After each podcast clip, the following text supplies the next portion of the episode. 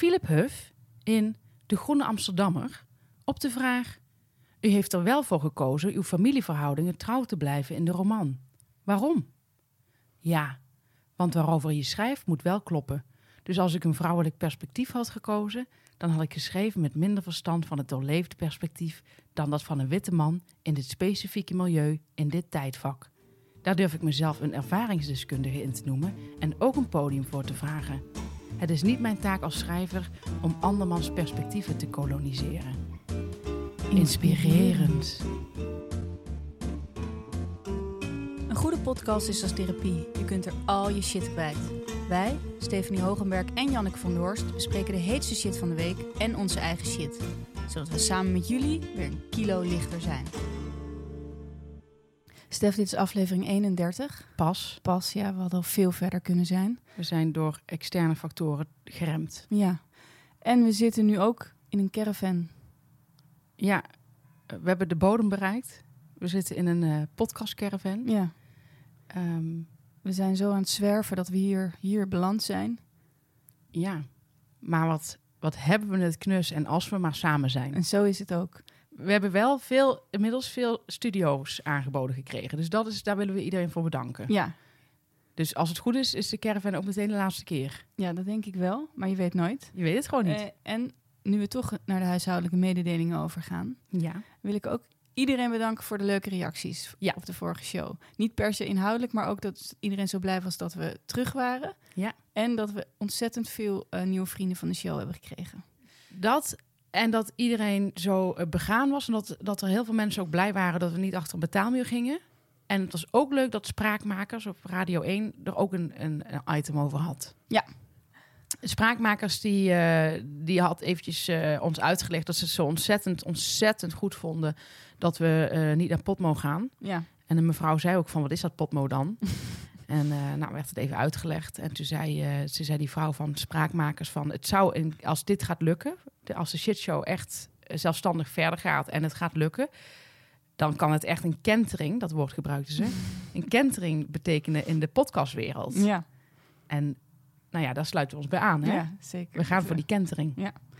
En ehm, wat ons natuurlijk uniek maakt van alle podcasts, is dat andere podcasts die ervoor hebben gekozen om niet naar Podmo te gaan, al binnenliepen met advertenties. Ja, dus onze sprong is veel groter geweest. En, dat En, is en iets- kan dus voor die kentering gaan zorgen. Ja, en dat is iets, iets om even bij stil te staan. Ja. Nou, Oké, dank voor het stilstaan. En waar ik ook nog even op terug wilde komen was eh, jouw massage.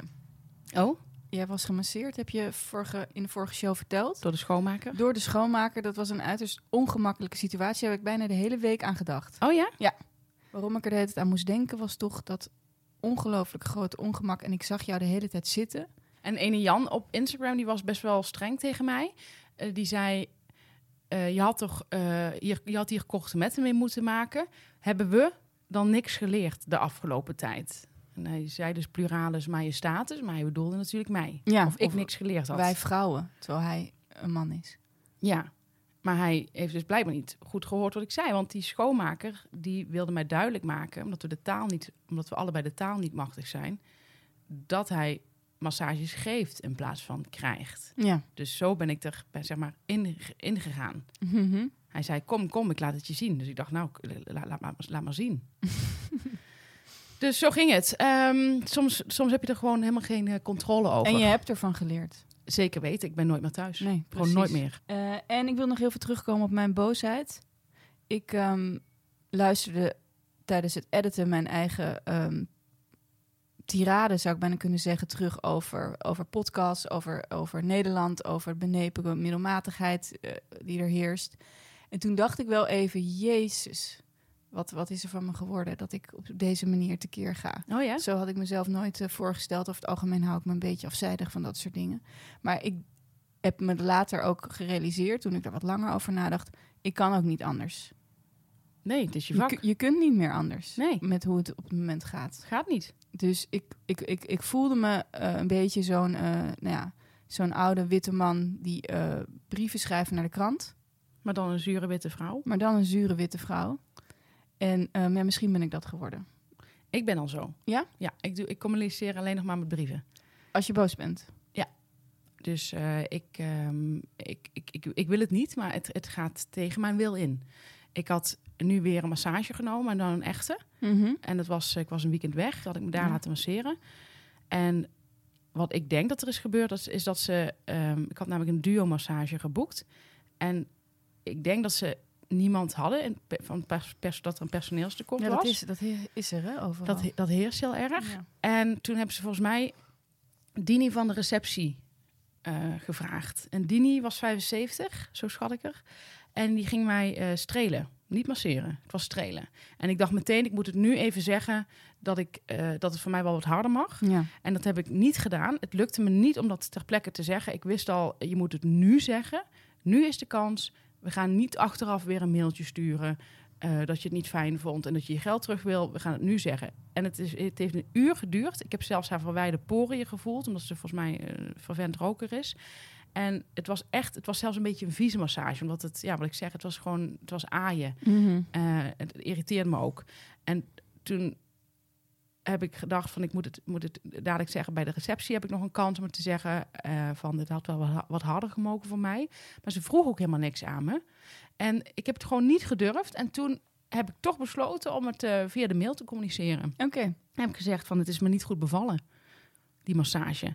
Kan het zo zijn dat jullie door personeelstekort de receptioniste hebben gevraagd? En, En hoe reageerden ze daarop?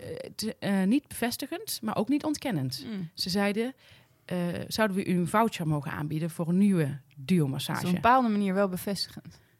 Vind ik wel, is schuld bekennen. Ja. ja. Plus omdat ze dus zeggen van nou, we hebben eigenlijk betere masseurs. Ja. En toen zei ik, nou, ik wil liever gewoon mijn geld terug. Het was nogal een flink bedrag. Had ik ook niet op gerekend in alle naïviteit. Mhm. En toen heb ik het bedrag teruggekregen. Dus het- het dus loont werkt wel. Het Ja. werkt wel, ja. Ja. Nou, nu hoop ik ook dat in ieder geval mijn tirade ook nog eh, opgepakt wordt. Ja. Door alle eh, eindredacteuren. Eind, eindredacteuren en formatleukers.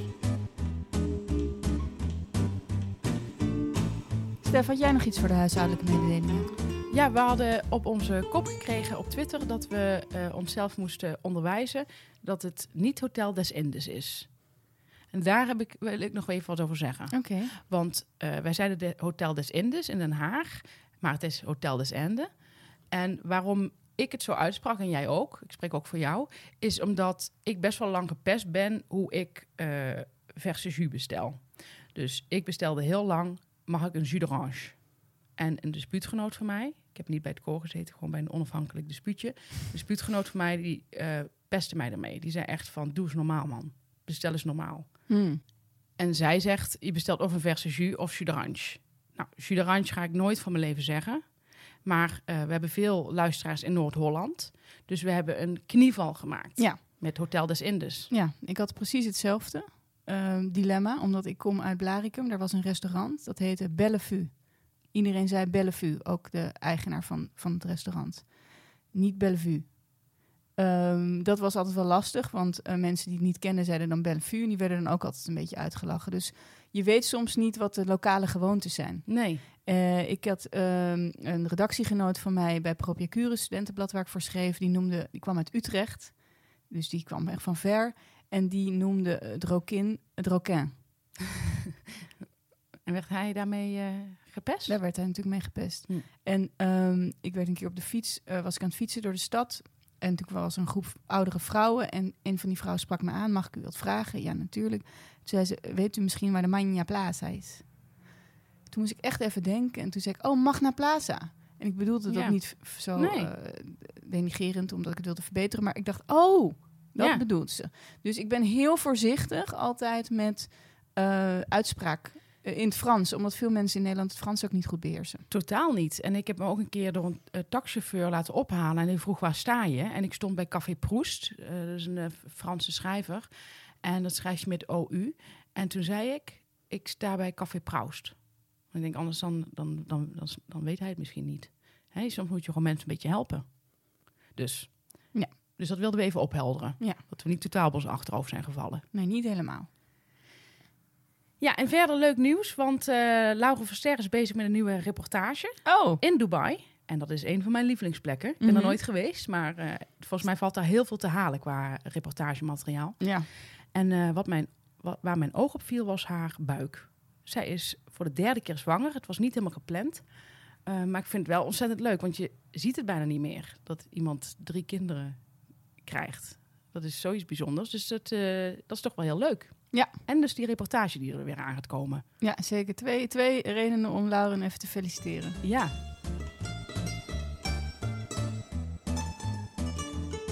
Leuk. Ehm, en ik denk dat onze luistervinkjes wel allemaal heel benieuwd zijn of jij nog wat op televisie hebt gezien deze week. Nou, ik heb iets ontzettend bijzonders gezien op televisie. Echt heel gedurfd. Eh, Bo had Matthijs van Nieuwkerk uitgenodigd. En dat vind ik zo gewaagd. Mhm.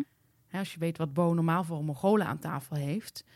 Nou ja, als, als het echte Mongolen waren, dan kwam er nog wat zinnigs uit.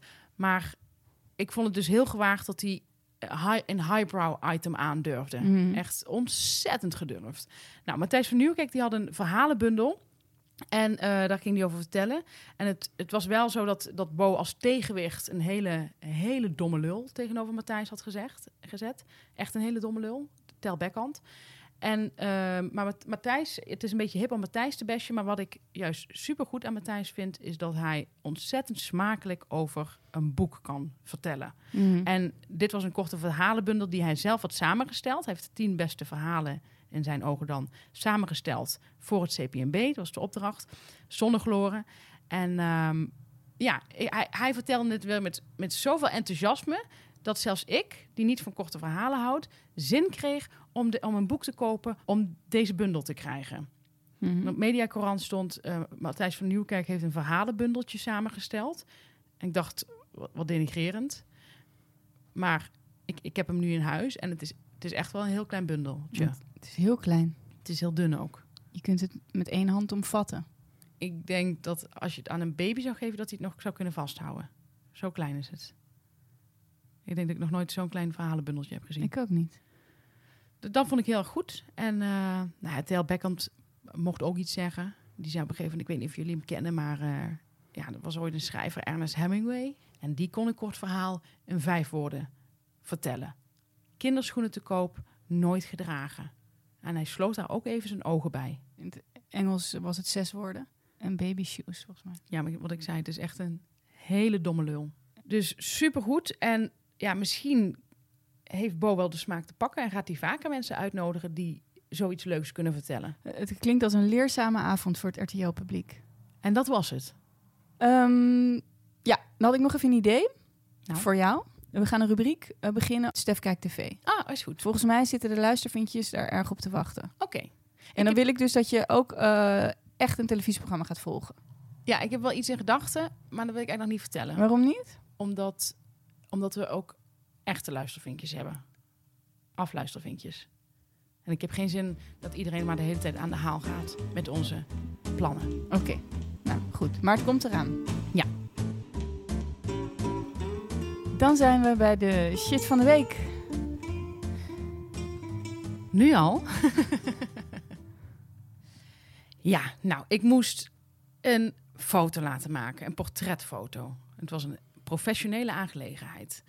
En ik kan nog niet vertellen waarom, dat ga ik over een paar weken doen. Heeft ook weer met dat afluisteren te maken. Maar het was echt heel professioneel. Hm.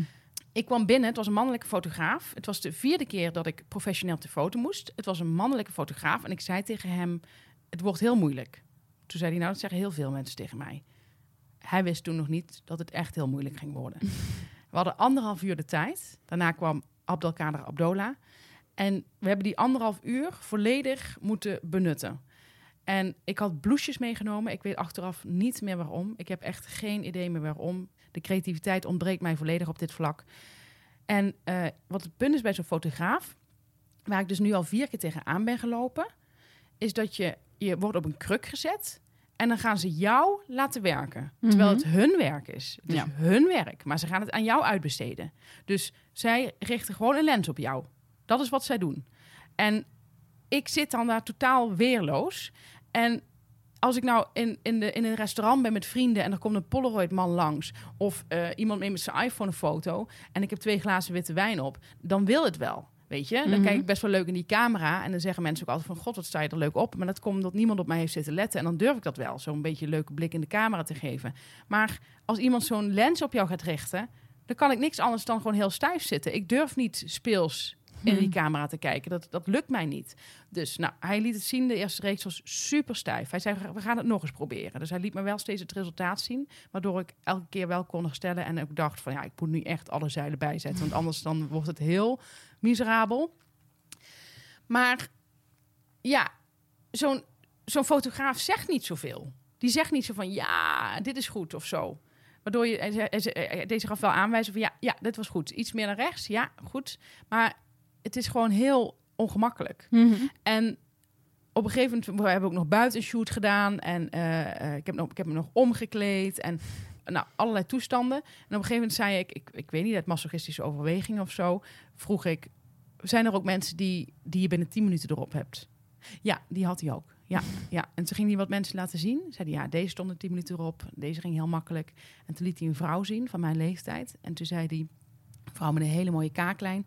En toen zei hij, en zei ja, dat ging ook heel soepel. En zij was gewoon, zij heeft een, een boek over seks in het schrijven. En dat was ook, eh, nou ja, zij was één brok. eh, ja, dat was gewoon, dat ging heel goed. Toen zei ik, één brok seks. Ja. Ja, dat, dat, dat merk je als man. Het, ze, ze kwam binnen en dat, dat, de hele ruimte wordt gevuld met een bepaalde energie. Mannen voelen dat. Ik voelde me zo'n duffe hut. Ik had die blouses mee. Zij had een hele flambo- flamboyante jurk aangetrokken. Zij had ook niet, want je mocht zelf bepalen of je in zijn totaal of alleen met je hoofd erop wilde. Nou, dat totaal, het kwam niet eens in mij op. Ik dacht, laten we gewoon dat portret schieten, weet je wel, vanaf de buste. Maar zij stond er in, de volledigheid op, zag er heel erg leuk uit. Een hele mooie jurk. Dacht ik, oh ja, dan, ja, dat had ook gekund natuurlijk in plaats van een blouseje en vanaf de buste. dus ik, ik, ik vond het echt verschrikkelijk. En het punt is, ik, ik heb toch altijd wel iets weg op foto's, op portretfoto's van Aletta Jacobs. Ja? Ken jij haar nog? Ja, ja, zeker. Nou, het ging bij een haar kentering vooral, eh, teweeggebracht. Zeker, maar het ging bij haar vooral eh, om wat er in het kopje zat. En ehm, dus dat, dat vond ik er lastig aan. En de, ja, het was de vierde keer. Ik heb eigenlijk altijd, ik, ik, ik, zoals schrijvers, zoals je schrijvers kunt wegzetten als mensen die over het algemeen best wel veel last hebben van weltschmerz, kun je fotografen wegzetten als mensen die niet heel geïnteresseerd zijn in wie er voor ze staat. Ja, ik, her- ik herken dit eh, volledig. Heb jij ook al eens zoiets meegemaakt? Ik heb ook wel eens zoiets meegemaakt. Ik heb meerdere keren wel eens zoiets meegemaakt. Je hebt eigenlijk twee soorten fotografen, lijkt het. Fotografen zoals jij omschrijft. Ja. En fotografen met knotsgekke ideeën. ja. Die moet je ook niet hebben. Nee. Je moet eigenlijk iemand die daar een beetje tussenin zit. Ja. Ehm, ik had een fotograaf eh, in, in jouw categorie. Ik had een verhalenbundel geschreven en er moest een eh, foto voor de, voor de omslag gemaakt worden. En ehm, zij had een bepaalde werkwijze. Dat was, ze kwam bij je thuis. Ehm, ze, ging in je, ze zou in je kledingkast gaan rommelen. Dat had ik dan gehoord van anderen. En ze nam altijd champagne mee. Oh, wild. Ja, dat laatste sprak me wel aan. Maar goed, zij kwam. En ze kwam binnen en ik had gekozen voor een, blouse, een body blouse. Een soort, ik eh, dacht waarschijnlijk dat ik een soort CEO op de foto moest. Ik had een hele grote kraag en een streepjesblouse. Ja, het sloeg ook helemaal nergens op, maar daar wilde ik op dat moment ook niks van haar aannemen. Ik zou en moest en zou die blouse aandoen. Ehm nou, ook echt een belachelijke blouse voor op de foto, want past totaal niet bij mij. En ze zei er niks van dus. Ik weet het niet meer. Het zou best wel kunnen dat ze iets van gezegd heeft, maar ik wilde daar heel erg op mijn strepen staan. Want ik had al wat eh, dingen meegemaakt met fotografen. Dat wilde ik niet meer. Nee. En toen ehm, nou, moest ik op de bank zitten. Ik moest op mijn balkon staan. Ik moest eh, op, mijn, op mijn trap in mijn trappenhuis gaan zitten. Een ranzige trap die nooit bijna geveegd werd. Daar moest ik dan gaan zitten. En dan ging zij van bovenaf een foto van mij maken. Nou, belachelijk. Maar wat er nog gebeurde... Zij had het eigenlijk vanaf dat ze binnenkwam totdat ze wegging... alleen maar over zichzelf. Oh ja. Misschien was het ongemak. Ik denk niet dat ze het verder onaardig bedoelde, maar ik denk voornamelijk dat ze gewoon niet anders kon. Ehm, dus vertelde me verhaal dat ze in Afrika was geweest een hele tijd. En dat er toen allemaal mannen waren die haar leuk vonden. Ehm, ja, en dat die mannen op een gegeven moment vroegen van... hoe noem je nou een eh, leuke Nederlandse vrouw? Nou, lekkertje had zij gezegd. Nou, toen ze elke keer als ze over straat liep... dan riepen mannen allemaal heel lekkertje, heel lekkertje naar haar. En eh, nou, wat op een gegeven moment een soort verrassing was... was wel dat ze gingen daar een waterput maken... En toen eh, werd die naam onthuld Je raadt het al. Lekkertje. Lekkertje de waterput. Dus ehm, ja, dat hele verhaal. Toen nog een heel verhaal over seks in het Colosseum dat ze had gehad. Ik werd er niet per se van op mijn gemak. En die verhalen waren ook niet zozeer heel grappig. Ook al lijkt het nu heel grappig. Er zat niet veel zelfspot in die verhalen. Klink- zo klinkt het niet. Nee, Nee, nee. nee. nee. En ook niet eh, een of andere intelligente, leuke insteek... waardoor ik er toch nog wat aan had aan die verhalen. Het was echt puur een soort van... soort van doe er een kwartje in en, en het praat, zeg maar. Ja. En ik zat daar en ik voelde me natuurlijk helemaal niet op mijn gemak. En ik wilde gewoon dat die foto snel gelukt was. Ja. Al die foto's waren best wel lelijk. Zelfs een eh, gezamenlijke vriend van ons zei tegen mij: vind hem niet zo mooi. Maar goed, ik was toen nog niet in de positie om te zeggen: Ja, dat wil ik echt niet op mijn boek hebben of zo. Dus ik heb, ik heb op een enigszins oké foto staat er wel op. Ik lijk niet echt op mezelf. Ehm, die foto is dus van boven genomen op de trap op mijn boekpresentatie. Je ziet echt heel goed mijn, eh, mijn buste. Ik dacht misschien dat dat voor de verkoop nog wel aardig zou zijn. Die inkijk daarin. Dus, eh, dus dat is mijn verhaal. En mijn idee een beetje van, van, van portretfotografen is... Het, het zijn eigenlijk een soort schoolfotografen... maar dan zonder enig eh, pedagogisch inzicht of empathisch vermogen. ja, ik zou nog iets verder willen gaan. Ik denk dat, dat fotografen, en ik ga nu even een hele beroepsgroep wegzetten, maar ik denk dat, dat fotografen, net als kledingverkopers en huisartsen, niet geïnteresseerd zijn in wie ze voor zich hebben. Mhm. En dan bedoel ik po- portretfotografen, hè, even voor duidelijkheid. En daarmee zet ik even een hele, hele groep weg. Mhm. Zouden eventueel nog wel eh, beroepen hierbij kunnen komen? Zeker, het is een open groep. Oké. En wat ook nog het ver- meest vervelende was van deze hele fotosessie. Ze was niet verder onvriendelijk. Hè? Ze klinkt misschien heel vriendelijk, maar ze was niet onvriendelijk. Dat ik dus geen champagne heb gekregen. Nou, Ik hoorde die verhalen altijd gaan. Ik heb geen champagne gekregen. Ik was niet iemand voor wie zij een fles champagne meenam. ah, je was een vrouw. Ja, een vrouw sowieso en dan ook nog een onbekende. Ja, ja. En toen dacht ik wel daarna, nou, die komt hier niet meer binnen. Wat, wat ik denk, is dat deze vrouw een heel moeilijke band met haar vader heeft. Nee, dat, dat zou heel goed kunnen, ja.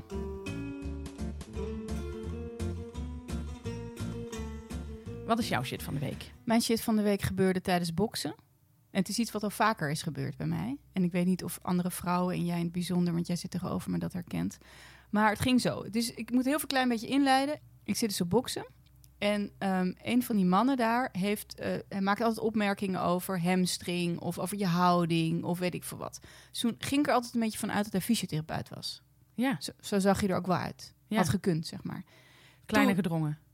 nee, nee, eigenlijk lang en slank. Maar ehm, toen zei hij een keer, toen had ik daar een keer iets over gezegd, ben je fysiotherapeut? En toen zei hij nee. Nou goed, nu was ik toch wel nieuwsgierig, omdat ik merkte dat dat beeld van dat hij een fysiotherapeut was, maar in mijn hoofd bleef zitten. Ja, Dus ik dacht, dat beeld moet eruit, want ik kan dus niet bij, met vragen bij hem terecht. En toen ging ik naar hem toe en het was al de hele les, dacht ik ga dat zo even vragen. Dus het kwam ook een beetje gekunsteld uit op het moment dat we even niks deden. Zei ik tegen hem, "Ehm, wat doe jij nou eigenlijk? En toen zei, en moest hij een beetje lachen, niks, zoiets, zo'n opmerking. Dus ik, nee, omdat ik altijd dacht dat jij eh fysiotherapeut was. Nou, toen zei hij, nou, industrieel ontwerper. Ik weet nooit zo heel goed wat dat inhoudt, maar ik heb gezegd, lijkt me leuk. iets met bruggen, denk ik. Oh, zei ik. Oh, leuk. Nou, goed. En toen hoorde ik later een van de andere mannen van het boksen tegen iemand zeggen: Wat doe jij eigenlijk? Op zo'n heel hoog stemmetje. Tegen hem. Ja, te- al- mij nadoen. Oh, En dat vond ik zo vervelend. En ik heb dat best wel vaker gehad. Dat ik dan iets zeg en dat iemand nadoet alsof je een soort prinsesje naar iemand toe gaat en een dom vra- oh, domme vraag stelt. en dat is om jou belachelijk te maken? ja, denk het wel.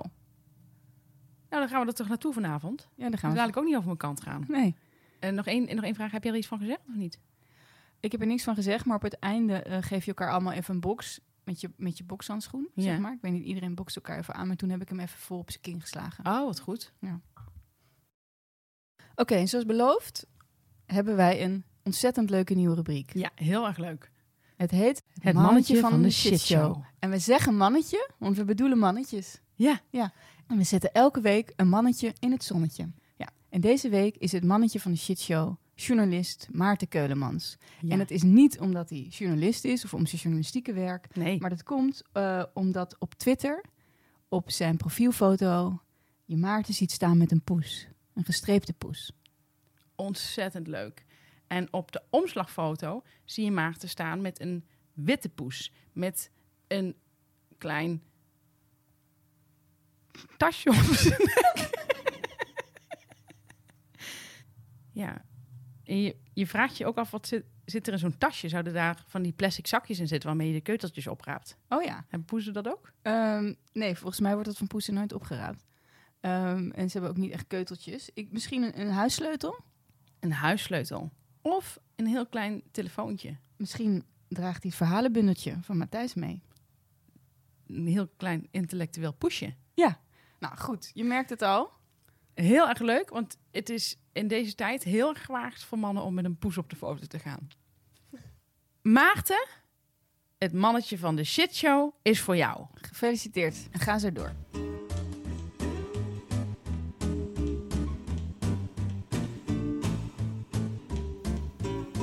Dan zijn we alweer bij de ergernis van de week. Nu Wat alweer? jouw- ja, wat was jouw ergernis? Nou, mijn ergernis is als volgt. Ehm, het gaat over eten bij mensen thuis. Hm.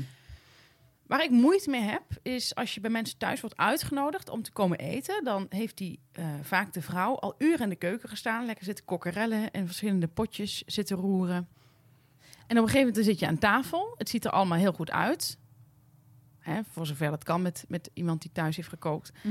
En dan wil je lekker gaan eten, maar dan moet die eh, gastvrouw, die zit dan sowieso het dichtste bij de keuken. Hè? Dat is dan het, Ja. hè, dat moet altijd, eh zij moet daar zitten, want het is, dan kan ze nog snel die keuken in. En dan eh, gaat die gastvrouw steeds eventjes nog de keuken in. Zegt ze, "Och, o- ogenblik, we moeten nog heel vies pakken. En dan wachten wij allemaal. En dan willen we proosten. Dus we hebben geproost. En dan wil je beginnen. En dan zegt ze, oh, wacht, ik moet nog even het brood pakken. Dat zit nog in de oven. En dan moet ze nog dit pakken en nog zus pakken. En op een gegeven moment is die gastvrouw is eigenlijk de hele avond in de keuken. Ja, Gewoon de- aan het pakken. En he- echt een stoorzender. Dus die is de hele tijd dingen aan het pakken. Ja. Ja. En op aan het staan, geluid aan het maken. Geluiden maken. Ja, heel erg irritant. En die mensen zou ik eens willen adviseren. Probeer het dus buitenshuis te organiseren. Mhm. Hè? Huur eens een kok in. En dan ben je er even kwijt. Ja. Dat is heel irritant namelijk. Dan kunnen wij gewoon praten met elkaar. En dan hoef je niet de hele tijd eh, de aandacht op jezelf te vestigen. Wie dit ook doet is, ehm, en dit zal voor haar als een verrassing komen, ze luistert ook, weet ik, is mijn moeder. Mm. Als je bij mijn moeder aan tafel zit, dan eh, ben ik een verhaal aan het vertellen. En dan hoor je tussen mijn verhaal de hele tijd door... Pak, hè? Pak. Pak lekker. Het staat ervoor. Pak, hè? Pak, hè? Pak. Pak maar. Pak lekker, hè, jongens. Ik heb nog. Ik heb nog, hè? Ik heb nog genoeg. Pak lekker. Hoor je de hele tijd doorheen. Nou ja, wat ik, wat ik nog een keer tegen mijn moeder wil zeggen is... Mama, op een gegeven moment is het concept wel duidelijk... dat mensen iets kunnen pakken op tafel. Ja. Vooral als het in het midden van de tafel staat. Ja, en ik denk, wat ik zo hoor, is het verschil tussen jou en je moeder, is dat voor jou het eten gaat om verhalen te delen. Ja. En voor je moeder is het om echt zoveel mogelijk eten in mensen te krijgen. Ja, dus onze belangen staan daarin lijnrecht tegenover elkaar. Ja. Wat was jouw ergernis? Mijn ergernis is, ehm, wij als vrouwen zijn echt van ver gekomen. Ja. En we zijn heel ver gekomen, wij vrouwen. En eh, we kunnen onze eigen rekeningen beheren. We kunnen voor de klas staan. Ja. Wat we nu allemaal doen en kunnen, dat hadden we honderd jaar geleden nooit be- kunnen bedenken. Zelfs Aletta Jacobs niet. Nee. En we kunnen autorijden. Nou, we hebben een zelfstandige podcast. Ehm, we zijn echt van ver gekomen en dat vind ik ontzettend goed en ook ontzettend mooi om te zien. Hè, als je dat ziet bij vrouwen. Dat ze, dat, ze, dat ze gewoon een baan hebben en inkomen hebben. En wat er dan gebeurt als je kinderen hebt en er zijn partijtjes en er wordt een appgroep aangemaakt, worden alleen maar de moeders uitgenodigd in die appgroep. Hech, hè, jakkes, krijgt helemaal koud ervan. Ja. Een moeder maakt die appgroep, nodigt alleen maar de moeders uit. En er zit geen man in, geen man in die appgroep. Dus die heeft geen idee van dat partijtje. ehm, Hoeveel werk het is. hoeveel, dat je een cadeautje moet kopen en al dat soort dingen. En ik denk dat mannen dat best zouden kunnen.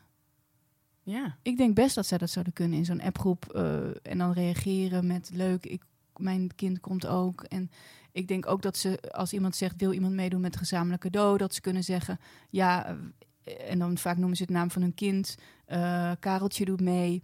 Ik denk dat ze dat gewoon heel goed zouden kunnen. En ik vind het jammer dat wij dit eh, bij hun weghouden, deze verantwoordelijkheid, en dat wij die weer pakken. Ja. Hè? Zonde. En dat ja. we dus weer zo'n. dat wij zelf dus die, dit verschil tussen mannen en vrouwen zo'n stand houden met die appgroeps. Hè? Appgroepen. Ja. En ik moest nu zelf een partijtje eh, organiseren. Maar ja, ik, ik heb ook weer in die appgroep alleen maar de moeders uitgenodigd. Oh, terwijl je zo'n statement had kunnen maken. Ja, ik had een statement kunnen maken, maar ik merk dat het nu voor mij, op dit moment waar ik nu sta, eh, niet het moment is om de barricade op te gaan. Ah, oké, ja. Nou ja, in, in jouw geval denk ik dat het wel iets beter is, omdat het ook, ik denk als je alle mannen uit het dorp had uitgenodigd, dat ze zouden denken dat je ze allemaal zou willen afwerken. Met die zaadvragen en een bambi-ogen van je. Nee, precies. en worden er ook foto's in die groep gestuurd van de Ja. kinderen? Ja, van zo'n feestje worden er vaak nog wat foto's gedeeld in de groep. Kijk, en dat is ook wel iets, denk ik, waardoor alleen vrouwen worden uitgenodigd. Oh ja? Ja, omdat eh één op de zes mannen heeft pedofiele gevoelens. Oké, nou dan, dan is deze, vervalt deze ergernis bij deze. Oké, En dan houden we het gewoon zo. trek hem terug, ja.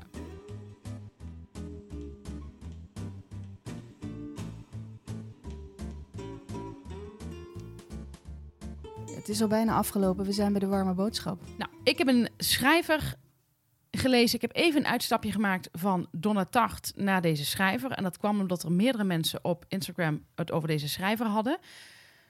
De titel trok me niet echt. Veranderen, dubbele punt, methode. Klinkt een beetje als een zelfhulpboek. Maar eh, er was iemand, Haro Kraak, en die beschreef het zodanig dat hij het een goed boek vond dat ik, eh, dat ik zin had om het even te lezen tussendoor. Ik dacht Mhm. heel even kijken of het echt zo goed is. Het is geweldig. Het is echt fantastisch. Edouard Louis is een eh, Franse schrijver. Hij is 29 jaar. Hij heeft al vijf bestsellers geschreven. En dit is zijn laatste boek, of zijn eh, meest recente boek.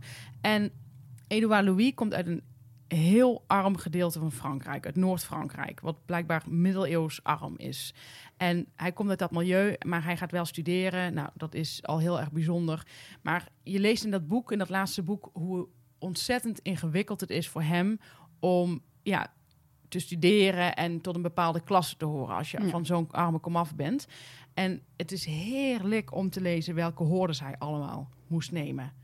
Ik sta niet achter het systeem, dat niet. Mhm. Maar ik vind het wel heel lekker om over iemand te lezen met zoveel doorzettingsvermogen. Ja. En hij doet ook allemaal mensen na. Hij imiteert allemaal mensen. Dat, dat staat dan in het boek. Dus dat hij bijvoorbeeld dat je espresso bestelt met een glaasje water. Dat kijkt hij dan allemaal van mensen af met wie hij studeert. En dan gaat hij dat ook allemaal doen. Dus op een gegeven moment komt hij ook thuis bij zijn ouders thuis. Eh, dat gaat hij steeds minder vaak naartoe. Maar dan gaat hij op een gegeven moment zit hij bij zijn ouders en zegt hij.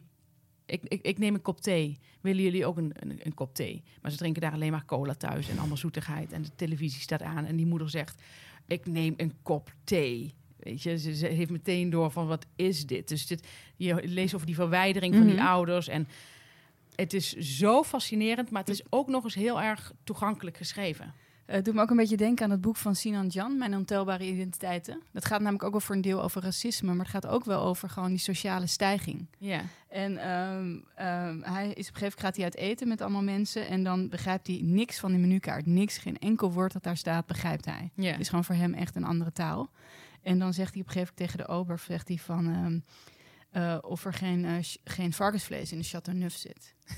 en dan zegt die ober, nee meneer, dat is een rode wijn.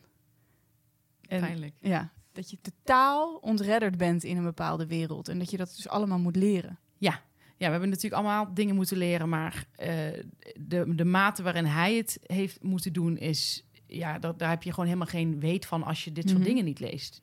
Hij wordt inmiddels in heel veel praatprogramma's uitgenodigd, dus hij heeft echt een stem gekregen in Frankrijk. En eigenlijk moet je beginnen, dat is mij door iedereen getipt die dit heeft gelezen, dat je eigenlijk moet beginnen bij zijn eerste boek, Weg met Eddie Bellegueule. En Mhm. hij heette oorspronkelijk Eddie Bellegueule, wat zoiets betekent in het Frans als Eddie Mooibek. Dus hij wilde daar vanaf en hij dus daarom Edouard Louis, dat is zijn nieuwe naam. En in dat eerste boek schijnt hij veel kwader nog te zijn op zijn ouders. En dat laatste boek waar ik dus ben begonnen, merk je dat hij al wat vergevingsgezinder is. En ik heb ook nog een ander boekje van hem gelezen, dat was, was heel dun, Metamorfose van een vrouw. En dat vond ik ook geweldig. Dat zou ik normaal ook niet hebben gelezen, maar dat gaat over, over de verandering die zijn moeder heeft doorgemaakt. Want die moeder, dat is echt zo'n, ja, echt een boerin. En, maar die gaat, ook, die gaat ook een ontwikkeling door. Dat is zo ontzettend ontroerend. En er staat een anekdote in over Catherine Deneuve. En alleen daarom moet je het boek al lezen. Ik vond het geweldig. je moet bijna huilen. Als ik eraan denk, is zo, is zo goed. Nou, ehm, ik denk dat je iedereen enthousiast hebt gemaakt. Ik hoop het. Ja, Ik, ik hoop het. Maar iedereen moet dus eigenlijk niet zo doen als ik. Doe ja maar niet- doe- toch trekt het me wel aan om te doen zoals jij. Ja? Ja. om met dat boek te beginnen. Nu wil ik dat boek ook lezen, zeg maar. Ja, Maar ja, dat snap ik wel. Nou ja, ik ben dus, ik ben dus totaal obsessief nu met hem. Dus ik zit allemaal YouTube-filmpjes te kijken van interviews. En eh, er staan ook foto's in het boek van hoe hij Mhm. er eerst uitzag en nu. Hij heeft zijn tanden laten veranderen. Op een gegeven moment zegt iemand tegen hem, die dus tot... Hij eh, komt dus op een gegeven moment tot de elite van Parijs. Mhm. eh, of bij, hij behoort tot de elite van Parijs. En hij gaat met allemaal politici om en zo. En allemaal belangrijke mensen. En op een gegeven moment zegt iemand tegen hem van... Ja, ik denk dat het nu echt wel tijd is om iets aan je tanden te gaan laten doen. En heeft ook een foto van hoe die eerst eruit zag en dan nu. En dat zijn, ja, vind ik verrukkelijk. Het is nog natuurlijk zo ontzettend leuk om naar te kijken. En als je die interviews ziet, dan je, je hebt dat de tijd in je achterhoofd hoe hij eerst was. En nu zie je hem in interviews. En dus ik ben, ik, ik ben even in een totale obsessie met deze schrijver. Oké. Dus ja, ik vond het geweldig. Oké, nou, heel aanstekelijk dit. Had jij nog een warme boodschap, meisje? Ja, mijn warme boodschap is bevallen. Oh? Je hoor je heel veel slechte verhalen over de laatste tijd. Ja. Ik zag ook allerlei mensen op Twitter die naar aanleiding van een documentaire van Eve Jinek absoluut niet meer willen baren. Ik, hè? Ja, onder andere jij en Kitty Herwijer ook, van eh, de, tele de Telegraafcolumnist en van de podcast Ongefilterd. Ehm, zij, eh, ik zag dat. Ehm, en ik ben absoluut niet iemand die vindt dat iedereen maar kinderen moet krijgen. En ik wil dat ook niet per se motiveren. Iedereen moet het voor zichzelf weten. Bij jou denk ik soms nog wel eens, het lijkt me heel leuk, maar echt voor mijn eigen vermaak. Ehm, maar... Le- leedvermaak? Ja, ook wel een beetje. Niet echt leedvermaak, maar ik denk gewoon dat jij en een kind dat en alles wat je daar meemaakt, dat ik daar ongelooflijk om ga lachen. maar ehm, ik wil alleen maar even eh, zeggen, want je moet dat soort documentaires niet kijken. Ten eerste als je geen kinderen hebt. Te laat. Ik kijk er al niet naar terwijl ik wel kinderen heb. Eh, jij hebt daar iets vreselijks gezien. Ja, ik heb iets vreselijks gezien. Kun je dat even vertellen? Want Ik heb niet gekeken. Ehm, nou, waarom ik dus me afscheid heb genomen van mijn kinderwens, is omdat er een vrouw was die gaf les op de basisschool. En ik weet niet hoe ze, hoe ver, hoe ze, hoe ze haar zover hebben gekregen om dit verhaal te gaan vertellen. Maar zij vertelde dat ze ehm, na de bevalling, dat is nu 17 jaar geleden, is er van alles misgegaan. Ze is niet goed gehecht, want blijkbaar kunnen heel veel artsen in Nederland dat niet. Die kunnen niet goed hechten, zijn er maar een paar in gespecialiseerd. Nee, ik had een keer iemand gehoord die zei: je moet nooit gehecht worden door een man. Ja, dat sowieso. Dat cliché En- en- echt waar te zijn. En, en liefst niet door een, eh, door een arts, maar door de verloskundige. verloskundige. In die documentaire zag je dat verloskundigen zelfstandig op eigen houtje een cursus gingen doen om dat te leren. Ja. Omdat ze er te vaak tegenaan liepen dat het niet goed ging. Maar dat, die cursus was niet verplicht. Nou, hier kan ik woedend over worden. Maar goed, die vrouw die op de basisschool les gaf, die, daar was echt van alles bij misgegaan. En die zei dus op televisie van als ik loop en het is stil in de klas, dan hoor je... En zei ze, als ik een beetje gespannen ben en stress heb, dan kan het zomaar zijn dat ik mijn broek vol poep. En dat is niet handig, zei ze, als je voor de klas staat. dat lijkt me ook niet handig. Nee, dat vond ik het euf- eufemisme van het jaar. Maar daar ben ik wel heel erg van geschrokken. Dat begrijp ik. Ik zou er ook heel erg van geschrokken zijn als ik dit had gezien voordat, het, voordat ik zelf kinderen had. Eh, er is gewoon een ongeschreven regel. Hebben we het al eerder een keer Ja. over gehad? Heb jij al een Het keer is niet de bedoeling dat vrouwen dit aan elkaar vertellen. Vrouwen die vertellen dit alleen aan vrouwen die ook kinderen hebben. Ja, Je gaat dit niet vertellen aan vrouwen die nog geen kinderen hebben of aan mannen. Die nog geen kinderen hebben. Nee. Ehm, nee, mannen zijn heel gevoelig voor dit soort dingen. Ja. Ja. ja. Ja. Wat, trekken ze, wat trekken ze zich er toch allemaal aan? ja. Ja. nou ja, ze kunnen ook denken, dit wil ik niet met mijn vrouw. Nee. Ehm, maar ik wil dus eventjes... Mijn warme boodschap is eigenlijk... Want ik, ik schrok er toch wel van. Ik dacht van, nou, wat nou als juist vrouwen zoals jij en Kitty... leuke, slimme, grappige vrouwen... dat soort vrouwen wil je juist wel... dat ze zich misschien eventueel uit voortplanten voor, voor de wereld, weet je wel. Dat Ja. de wereld wat mooier wordt. En ik had al een keer gelezen dat ehm, hoogopgeleide vrouwen... meeste pijn ervaren bij de bevalling. Oh? Omdat ze gewoon erg gespannen zijn met alles wat ze hebben gelezen. Oh ja, ze Dus lezen heel veel. Ja, dus mijn warme boodschap is: wil je ooit nog gaan bevallen? Niet inlezen. En geen non-fictie. Niet voorbereiden. Geen non-fictie. Pak lekker een roman erbij. Ja, niet voorbereiden, niet gaan inlezen, niet gaan bekijken wat er allemaal kan en wat niet kan. Ik had allemaal vriendinnen die hadden dan een bevalplan. Heb jij nog geen bevalplan? Heb ik allemaal niet gedaan. Eh, iemand had een afspeellijst voor de hele bevalling gemaakt in Spotify. Ook dat soort dingen heb ik niet gedaan. Je kunt het beste gewoon eigenlijk niks weten. En dat is mijn warme boodschap. Ik denk dat heel veel vrouwen hiermee geholpen zijn. Doe je het toch? Ja, dan is de schade voor jou. Ja, precies. Precies. Heb je dan een totaalruptuur? Is omdat je te veel hebt gelezen. Ja. Of gekeken. Of gekeken, inderdaad. Ja. Maar ik kijk heel graag naar Even Jinek, dus ik kon er niks aan doen. Ja, dat begrijp ik. Nou, Stef, dit was aflevering 31. Pas. Ja, pas. Hè. Moeten we toch weer even bij zeggen. Eh, vanuit de caravan. Ja. Vanuit de podcast caravan. Heel benieuwd hoe het geluid is. Ja, heel benieuwd ook voor jullie of het geluid een beetje goed was. Bedankt voor het luisteren. Als jullie tot hier zijn gekomen, hartelijk bedankt. Wij zijn er volgende week weer. Vanuit waar weten we niet. Uh, maar hebben jullie nog vragen? Uh, hebben jullie uh, tips, ideeën? Wil je adverteren? Mail ons dan op theshitshow.gmail.com. Tot volgende week.